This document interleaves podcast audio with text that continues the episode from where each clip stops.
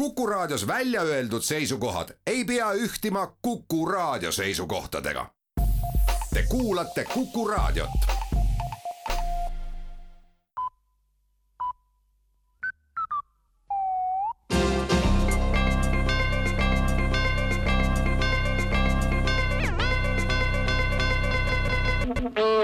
tere kuulama uudiseid ja stuudios Rohke Develak valitsus annab teada, et kodukulude vähendamine on selgelt praeguses energiakriisis üks võtmeküsimusi ja valitsuskoalitsioon on kodukulude vähendamise eest koostöös pankadega jõulisemalt ka nüüd seismas. Suurem osa kodukulude vähendamises on kindlasti koduomanikel endil, kuid ka näiteks pangad saavad kodukulude vähendamises aitajaks pooleks olla. paljudelt inimestelt võtab pank peatselt kodud ära ja suur osa kulusid on koheselt sellega seoses ka kadunud. jäävad ainult laenumaksed ja intress, muud kulud puuduvad. kõige kiirem tee kodukulusid vähendada ongi kodust loobuda, teatab valitsuse kodukulude kokkuhoiuprogrammi koordineerimiskeskus.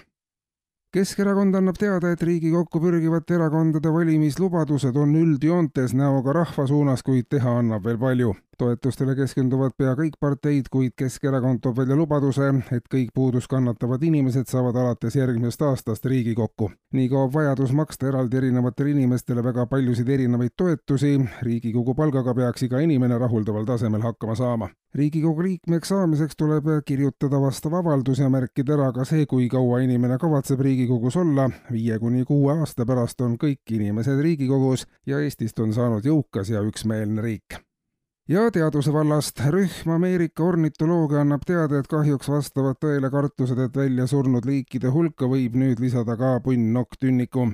selle linnu vaatlus ei ole enam kui kolm aastat kestnud uuringuperioodi jooksul registreeritud mitte üheski maailma piirkonnas teadlaste sõnul teeb punnnokktünniku väljasuremine nüüd võimatuks ka tema üksikasjaliku uurimise, sest linnust ei ole leitud isegi mitte ühtegi fossiili. seega pole teadlastel õrna ettekujutust, milline ta välja nägi. tõenäoliselt on punnnokktünnik üldse kõige kurvema saatusega linnuliik, kellele on vahele jäänud kõik olulised arenguetapid nagu tekkimine, arenemine, õitseaeg ja väljasuremine ja nüüd põrutavate uudiste juurde. eile kell kuus varahommikul põrutas kaevastes elav kolmekümne seitsme aastane Enn oma jalgrattaga vastu kaalumaja seina ja sai kergemaid kriimustusi. kuus minutit hiljem põrutas Kurtses elav kolmekümne kahe aastane Toivo kahe raudsest kogu paugu raadioaparaadi pihta, millest parajasti tuli uudis keskmise palga hoogsa kasvamise kohta.